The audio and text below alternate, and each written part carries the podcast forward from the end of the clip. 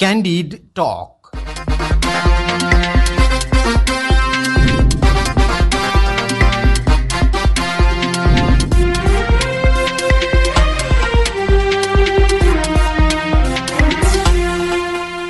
नमस्कार क्यान्डिड टकमा तपाईँलाई स्वागत छ। म प्रस्तुता कमल राणा। रेडियो क्यान्डिडको प्रस्तुति कार्यक्रम क्यान्डिड टक तपाईँले शनिबार बाहेक हरेक दिन बिहान साढे छ बजेदेखि सात बजेसम्म आधा घण्टा सुन्दै आइरहनु भएको छ। समसामयिक विषयमा कुराकानी हुने यो कार्यक्रम तपाईँले काठमाडौँ उपत्यका र आसपासका जिल्लामा बयानब्बे दशमलव सात मेगा हर्जमा रेडियो क्यान्डिडको आधिकारिक फेसबुक पेजमा हाम्रो पात्रोमा रेडियो क्यान्डिडको एप्स डाउनलोड गरेर र पोडकास्टमा समेत सुन्न सक्नुहुन्छ। नेपालमा विस्तृत शान्ति सम्झौता भएको पन्ध्र वर्ष पूरा भएको छ। पन्ध्र वर्ष अगाडि तत्कालीन सात राजनीतिक दल र माओवादीले विस्तृत शान्ति सम्झौता मार्फत एक दशक लामो युद्ध अन्त्यको घोषणा गरेका थिए। शान्ति सम्झौताले निर्धारण गरेका लक्ष्यमध्ये छ वर्ष अगाडि संविधान सभा मार्फत संविधान निर्माण भइसकेको छ। त्यसै गरी नौ वर्ष पहिला नै माओवादी लडाकुको समायोजन तथा व्यवस्थापनको काम पनि सम्पन्न भइसकेको छ।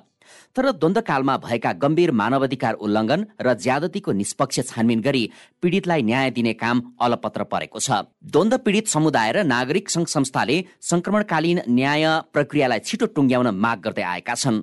यस्तै राष्ट्रिय मानवाधिकार आयोगले विस्तृत शान्ति सम्झौताको पालना गरी द्वन्द्व पीडितको अधिकार सुनिश्चित गर्न सरकारसँग आग्रह गरेको छ। यसै गरी Amnesty International International Commission of Jurists Human Rights Watch र ट्रायल इन्टरनेसनलले संयुक्त विज्ञप्ति जारी गर्दै शान्ति सम्झौतामा हस्ताक्षर भएको पन्ध्र वर्ष पूरा हुँदा पनि अन्तर्राष्ट्रिय कानून अन्तर्गतका अपराध र अन्य अपराधहरूमा न्याय प्रदान गर्ने कार्यमा कुनै प्रगति नभएको जनाएका छन्।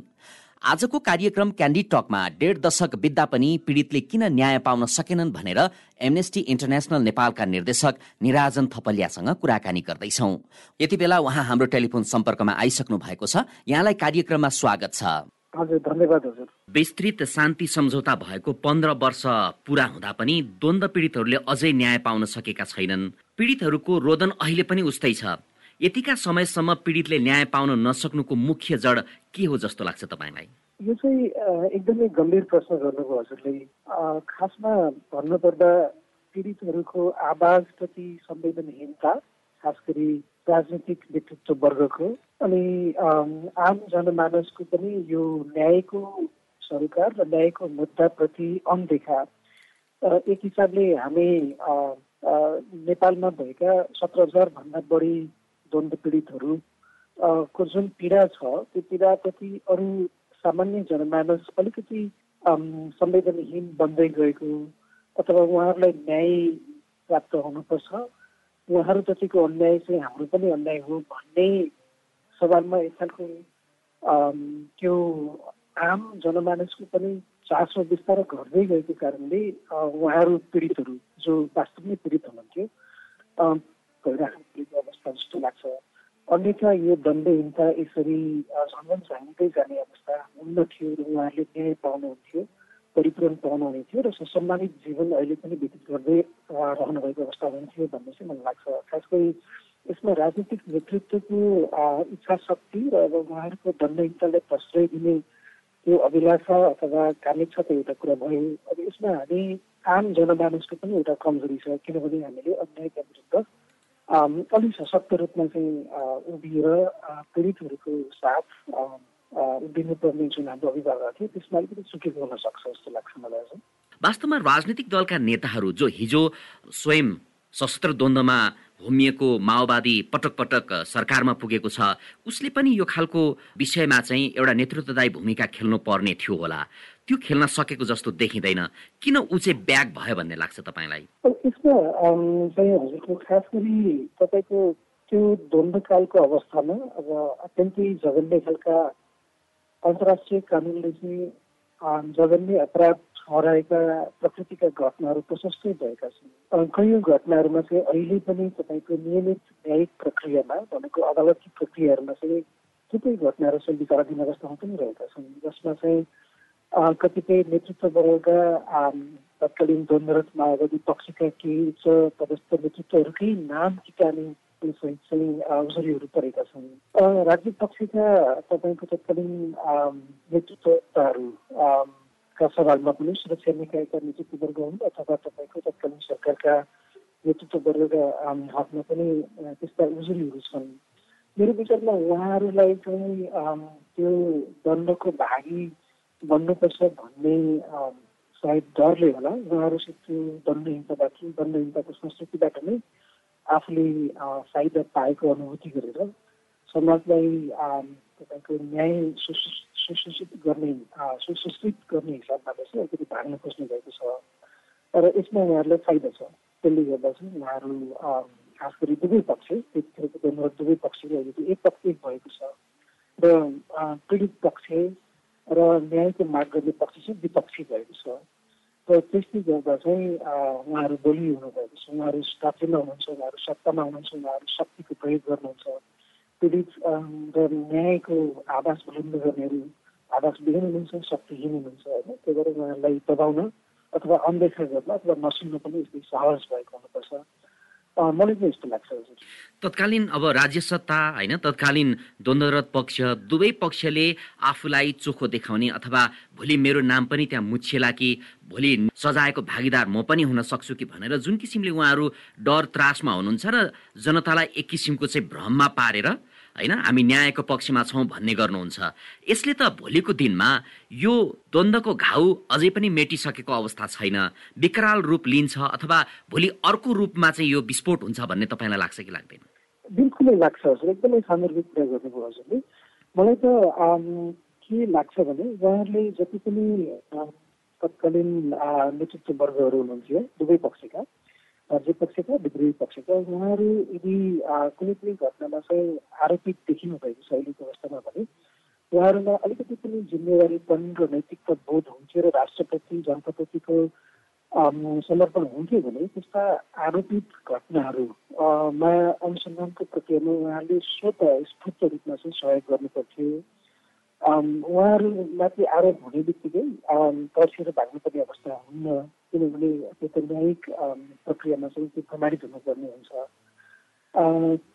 प्रमाणित नभएको अवस्थामा उहाँहरू फेरि त्यसबाट मुक्ति पाइहाल्नु हुने थियो तर उहाँहरू कस्तो भयो भने अहिले त्यो प्रक्रियालाई पनि असहयोग गर्ने र त्यसमा प्रक्रियाबाट भाग्ने भनेपछि त त्यसमा केही पक्कै पनि पुरा लुकेको छ भन्ने उहाँहरूले आफैले त्यो उहाँहरूको उसबाट चाहिँ सघाइराख्नु भएको अवस्था छ यस्तै सन्दर्भमा चाहिँ नेपालमा दण्डहीनताको जुन संस्कृति अहिलेदेखि होइन धेरै अगाडिदेखि हामीले ठुल्ठुला घटनाहरू सुनेका छौँ नेपालमा इतिहासको कालखण्डहरूमा।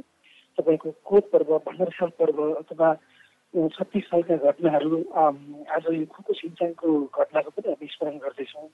होइन यी कुनै पनि राज्यबाट अथवा विद्रोही पक्षबाट भएका मानव अधिकार उल्लङ्घन र जनताका कुनै पनि घटनामा अहिले पनि आजको दिनमा पनि एउटा पनि घटनामा चाहिँ तपाईँको जवाबदिता स्थापित गर्न नसकिएको यो समग्र निरन्तरताको एउटा उपज हो। यसले चाहिँ हामीलाई चाहिँ अवश्य पनि एउटा न्यायविहीन मात्र होइन कानुनी शासनविहीन राज्य समाजतर्फ चाहिँ डोराइरहेको स्पष्ट सङ्केत गर्छ हजुर। अब अन्तर्राष्ट्रिय स्तरलाई हेर्ने हो भने होइन? विभिन्न देशमा यस्ता घटनामा मुछिएका ठुला ठुला नेताहरू पनि पछि कुनै एउटा कालखण्डमा पुगेर दण्डित हुनु परेको अवस्था छ। नेपालमा चाहिँ जुन तपाईँले इतिहासको कुरा पनि कोट्याउनु भयो तर हिजो इतिहासमा जे भए पनि अब यो घटना जुन सशस्त्र द्वन्द्व दस वर्ष नेपालमा मचियो यो द्वन्द्वको समयमा मुछिएका व्यक्तिहरूले भोलिको दिनमा दण्डित हुनुपर्ने अवस्था अथवा त्यो न्यायिक निरूपण हुनुपर्ने अवस्थाको वातावरण चाहिँ बन्छ कि बन्दैन? त्यस्तो अवस्था हामीले अहिले देख्न सक्छौँ?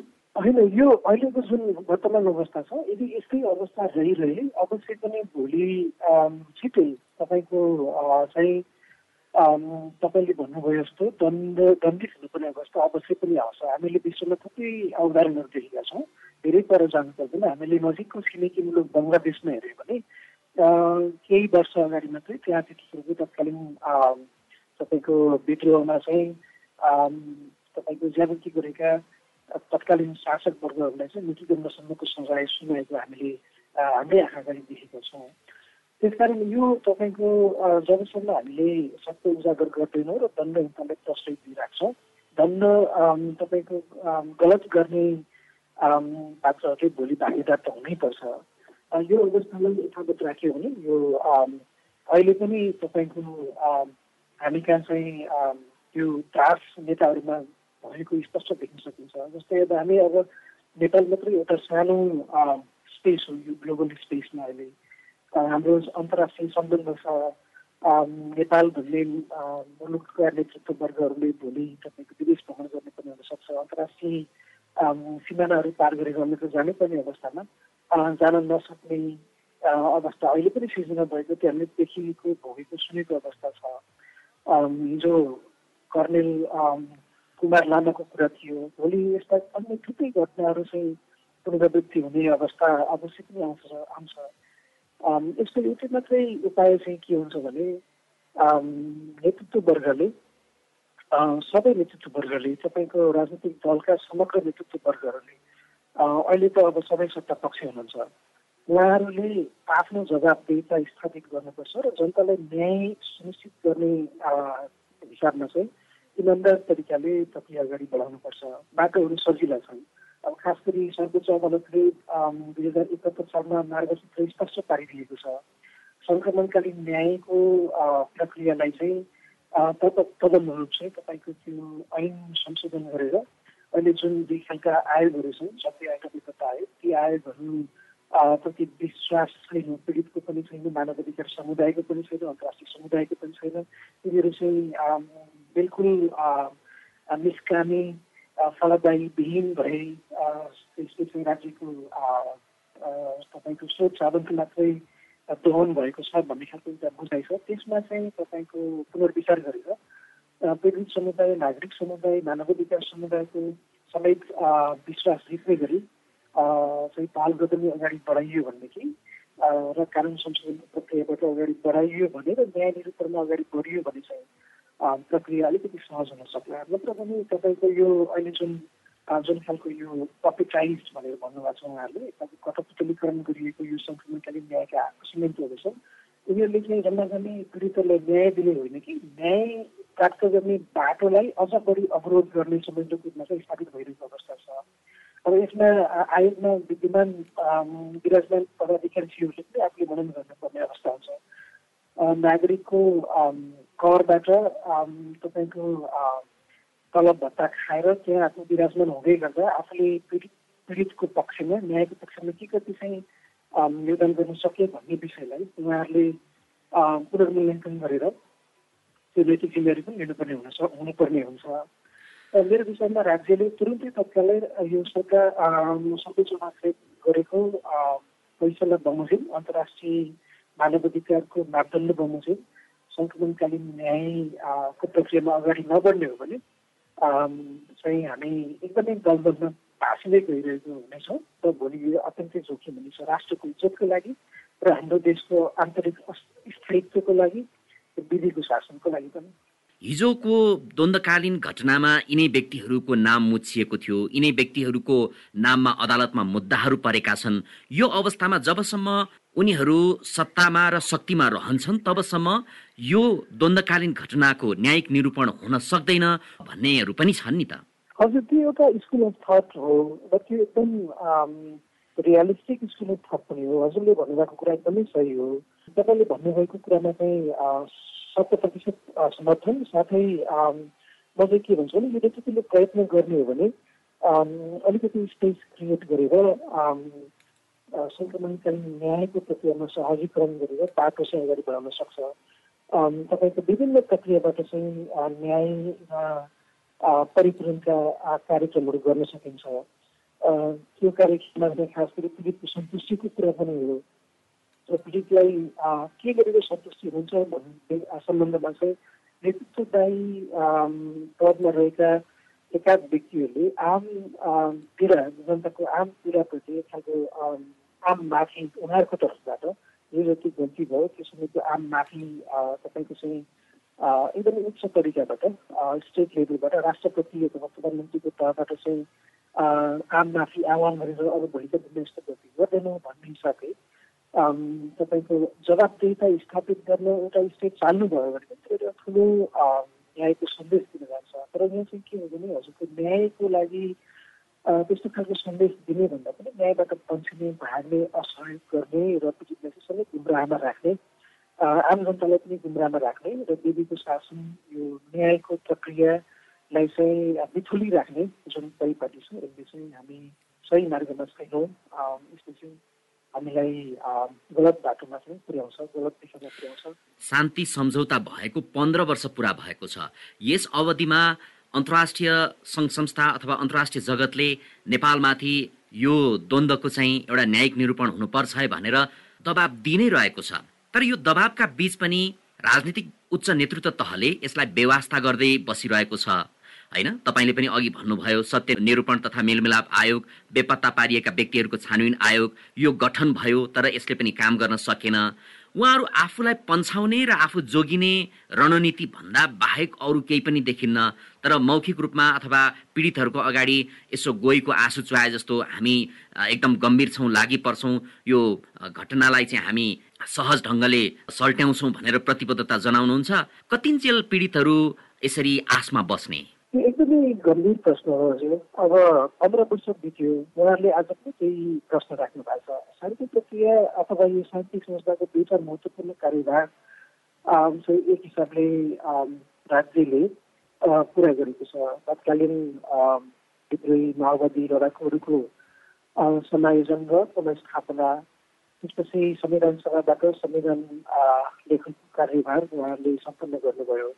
तेस्रो र अत्यन्तै महत्त्वपूर्ण अनि अत्यन्तै संवेदनशील मुद्दा यो पीडितलाई न्याय परिपूरण प्रदान गर्ने र अनि तपाईँको सत्यको स्थापित गर्ने र खास गरी भोलिका दिनमा यस्ता घटनाहरू अथवा यस्तो द्वन्द्वको आवृत्ति प्रवृत्ति पुनः नदरियोस् भन्ने हिसाबले समग्र नेपाली राज्यका संस्थागत त्रुटि कमजोरीहरूलाई पनि सुधार गरेर यो जुन हामीले तपाईँको संस्थागत सुधारको कुरा गर्छौँ। ती कुराहरू सम्पन्न गर्नलाई अहिले पनि राज्य छिटिएको अवस्था छ। र तपाईँले भन्नुभयो जस्तै अब सत्ता वर्ग अथवा सत्तासीनहरूले चाहिँ कोहीको असर सुहाउने अथवा आफूसँग जिम्मेवारी भाग्ने यो खेल मेरो यो खेल हो चलिराखेकै छ। र तपाईँको शक्ति चाहिँ तपाईँको सबै एउटै रहँदैन शक्ति क्षीकरण पनि हुन्छ।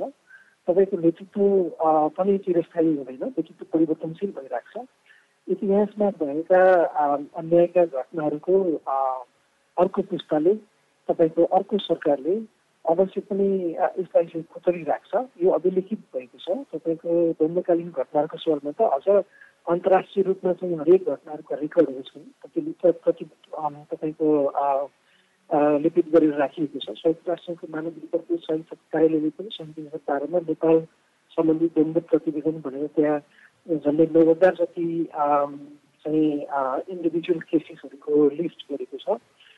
त्यसकारण ती घटनाहरू त्यहाँ छन्। भोलि कुनै न कुनै बेला ती तीमाथि अम्बिसन हुन्छ तिनको खोपन खातन हुन्छ। एउटा जिम्मेवारी अर्को राज्य व्यवस्था अथवा अर्को नेतृत्व आएपछि त्यसको जिम्मेवारी लिन्छ त्यसले गर्छ यो पुस्ताले गरेर अर्को पुस्ताले गर्छ भन्ने कुरामा चाहिँ कतिपय विश्वस्त छु। र न्यायबाट उम्किएर उम्किनु सकिँदैन। पीडितहरूले अहिले पीडा भोगिराख्नु भएको छ। अलि लामो समय भोग्नुपर्ने हुन्छ। तर पीडितहरूले न्याय पाउने कुरा चाहिँ यो लडी यो लडिराख्नुपर्छ यो लागिराख्नुपर्छ उहाँले न्याय पाउनुहुन्छ भन्ने कुरामा म चाहिँ विश्वस्त छु तपाईँ अहिले बयानब्बे दशमलव सात मेगा हर्जमा रेडियो क्यान्डिड सुनिरहनु भएको छ। आजको कार्यक्रम क्यान्डिड टकमा हामी एमनेस्टी इन्टरनेसनल नेपालका निर्देशक निराजन थपलियासँग कुराकानी गरिरहेका छौँ। अहिले कस्तो संजोग मिलेको छ भने तत्कालीन सशस्त्र द्वन्द्वको समयमा तत्कालीन प्रधानमन्त्री शेरबहादुर देउवा अहिले पनि वर्तमान सरकारको प्रधानमन्त्री हुनुभएको छ। सँगसँगै तत्कालीन विद्रोही पक्ष माओवादी अहिले फेरि कङ्ग्रेससँगको गठबन्धन सरकारमै रहेको छ। सशस्त्र द्वन्द्वको समयमा उहाँहरू एउटा पक्ष र विपक्षमा रहे पनि अहिले सत्ता गठबन्धनमा हुनुहुन्छ। यस्तो अवस्थामा आजको दिनमा द्वन्द्व पीडितहरूले न्याय पाउने कुरामा उहाँहरूले एउटा आश्वासन मात्रै होइन काम पनि अगाडि बढिरहेको छ है भन्ने हिसाबमा त्यो कार्य प्रगति देखाउन सक्नु भएको छैन। यसलाई कसरी लिने?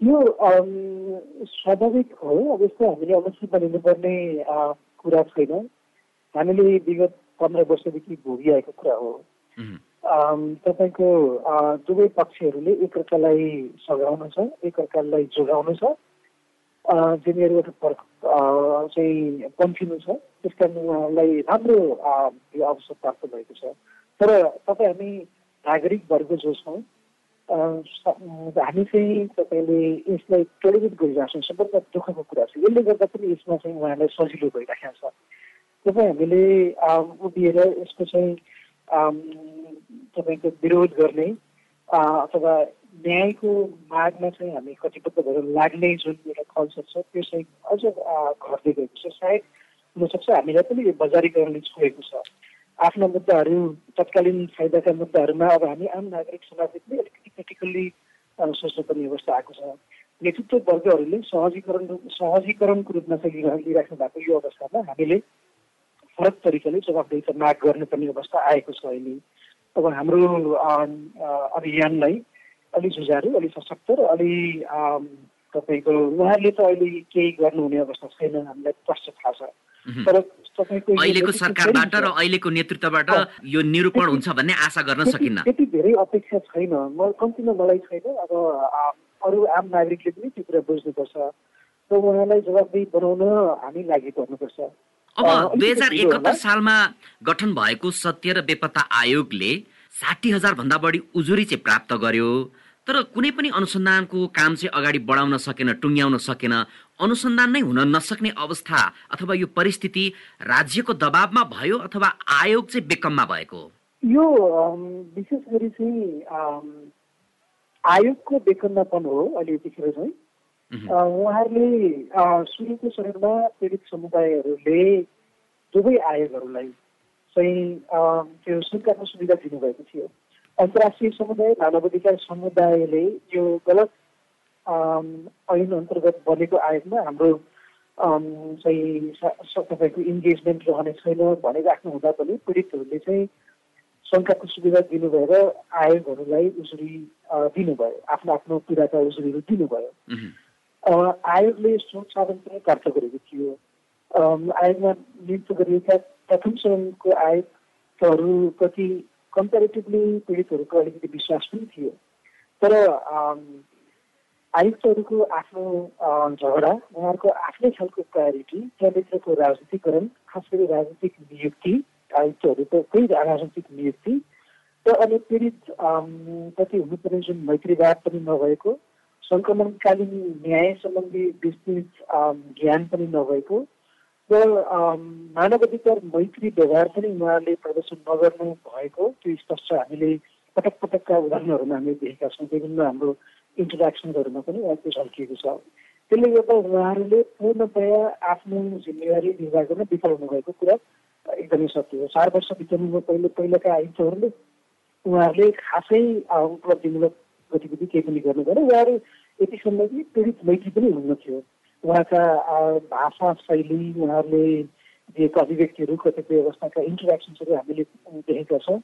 त्यो कुनै पनि हिसाबले पीडित मैत्री पीडितलाई तपाईँको पीडितको घाउमा मलम लगाउने प्रकृतिको थिएन। बिल्कुल उहाँहरूको काम गर्ने शैली चाहिँ जागिरदारको जस्तो मात्रै थियो। त्यसले गर्दा ती आयोगहरूले केही डेलिभर गर्न नसकेको अवस्था हो। त्योभन्दा अहिलेको अहिलेको विद्यमान आयुक्तहरूको त अब कुरै नगरौँ। उहाँहरूलाई विभिन्न पाहाडहरू पनि भइरहेको छ अहिले अब कोभिडदेखि लिएर। त्यो बेलामा भूकम्पको एउटा पाहना थियो। र यसरी तपाईँको एउटा अभिभारा लिएर उहाँहरू त्यहाँ त हुनुहुन्छ। अब उहाँहरूले ऐन संशोधन भएन भनेर अलिकति देखाउने बाटो पनि छ। अब काम गर्न सक्ने अवस्था छैन भने र अलिकति नैतिकता छ भने उहाँहरूले चाहिँ राज्यको स्रोत किन दोहन गर्नुहुन्छ। जिम्मेवारी पन्छिनु पर्ने हो मेरो विचारमा चाहिँ। अब यो सङ्क्रमणकालीन न्याय प्रक्रिया कहाँ पुगेर टुङ्गेला कति समयसम्म अब लडिरहनु पर्ने हो पीडितले के भन्न सकिन्छ? यो ठ्याक्कै निश्चितताका साथ केही भन्न सकिन्न यसमा? मैले अघि नै भने अब यसमा सरकारले जिम्मेवारी बोध देखाएर अब सर्वोच्च हामीलाई निर्दिष्ट गरिदिएको छ। सर्वोच्च अदालतले चाहिँ ऐनको सामान्य तपाईँको खाका जस्तै गम्भीर मानवाधिकार उल्लङ्घन र जनताको घटनामा चाहिँ माफी दिनु हुँदैन भन्ने कुरा। त्यसमा के के अरे हाम्रो मानवाधिकार सम्बन्धी दायित्व अन्तर्राष्ट्रिय मानवाधिकार सम्बन्धी दायित्व र स्थापित मापदण्डहरू बमोजिम हुने गरी संशोधन ऐन संशोधन गरेर पीडितको विश्वास आर्जन गर्ने गरी तपाईँको अन्तर्राष्ट्रिय समुदाय नागरिक समुदायको पनि विश्वास आर्जन गर्ने गरी तपाईँको एउटा विश्वसनीय प्रक्रिया मार्फत अगाडि बढ्यो। यसलाई फेरि पुनर्मूल्याङ्कन गरेर तपाईँको अर्को तरिकाबाट अगाडि बढ्यो भने यसले एउटा केही टुङ्गो ल्याउन सक्ला। तर अब यही सरकारले यो पनि यो गर्छ जस्तो मलाई लाग्दैन। किनभने अब उहाँको प्रायोरिटी चुनाव अनि अरू विभिन्न कुराहरू अब आसन्न निर्वाचन अनि त्यसपछि त्यो सत्तामा आउने भन्ने खालका खेल मेरोमा बढी छ। विधिको शासन न्याय व्यवस्था स्थापित गर्नेमा खासै छैन। त्यस कारणले अहिले यति चाँडै टुङ्गिन्छ भन्ने कुरामा मलाई विश्वास छैन। बरु तपाईँ हामी सबै अभियन्ता नागरिक पीडितहरूले चाहिँ केही समय धैर्य गरेर अलि चेतनशील अलि तपाईँको जवाबदेही वहन गर्न सक्ने खालको नेतृत्वलाई अगाडि सारेर उहाँहरू मार्फत चाहिँ अब यो प्रक्रियालाई टुङ्गाउनलाई प्रयत्न गरिराख्नुपर्छ हुन त अब जतिसुकै नेतृत्व पनि सत्तामा आएपछि फेरि पनि कठोर हुन्छ तर हाम्रो अभियानले जारी राख्नुपर्छ यो अलिकति लामै जाला जस्तो लाग्छ मलाई चाहिँ तत्कालीन विद्रोही माओवादीका कमान्डर र अहिलेका नेकपा माओवादी केन्द्रका अध्यक्ष पुष्पकमल दाहालले यसपटक पनि युद्धका बेला भएका कमजोरीहरूको छानबिन गरी सत्य तथ्य सार्वजनिक गर्ने प्रतिबद्धता जनाउनु भएको छ। उहाँ चाहिँ यो घटनाक्रममा यो विषयमा कति गम्भीर हुनुपर्ने थियो त्यो गम्भीरता तपाईँहरूले देख्नु भएको छ कि छैन? होइन प्रतिबद्धता उहाँले जनाइराख्नु भएको छ त्यो त राम्रो हो। तर प्रतिबद्धताको लागि प्रतिबद्धताले मात्र भएन त्यसलाई तपाईँको व्यवहारमा लागू गर्नु पर्यो। तपाईँको कार्यान्वयन भएको अवस्था छैन। त्यसकारण चाहिँ उहाँहरूको ओठी प्रतिबद्धताप्रति धेरै विश्वास गरिहाल्नु पर्ने अवस्था केही पनि छैन। तर पन्ध्र वर्षसम्म नागरिकहरूले यसरी चाहिँ तपाईँको तपाईँको पीडामा पिन्सिएर बस्नुपर्ने अवस्था हुन्न थियो। म दुवै नेताहरूप्रति त्यति धेरै विश्वास र आस्था राख्ने अवस्थामा छैन। हवस् त कार्यक्रममा समय दिनुभयो। यो समय र संवादको लागि यहाँलाई धेरै धेरै धन्यवाद। धन्यवाद। आजको कार्यक्रममा एमनेस्टी इन्टरनेसनल नेपालका निर्देशक निराजन थपलियासँग कुराकानी गर्यौं हवस् त क्यान्डी टकको यो अङ्क आजलाई यति नै। भोलि फेरि साढे छ बजे फरक विषयमा कुराकानी गर्ने नै छौं। प्रविधि संयोजनका लागि सशिन्द्र गौतम र सिर्जना भुजेललाई धन्यवाद। कार्यक्रमबाट म प्रस्तुता कमल राणा भने विदा माग्छु। रेडियो क्यान्डिड सुन्दै गर्नुहोला। नमस्कार। Candid talk.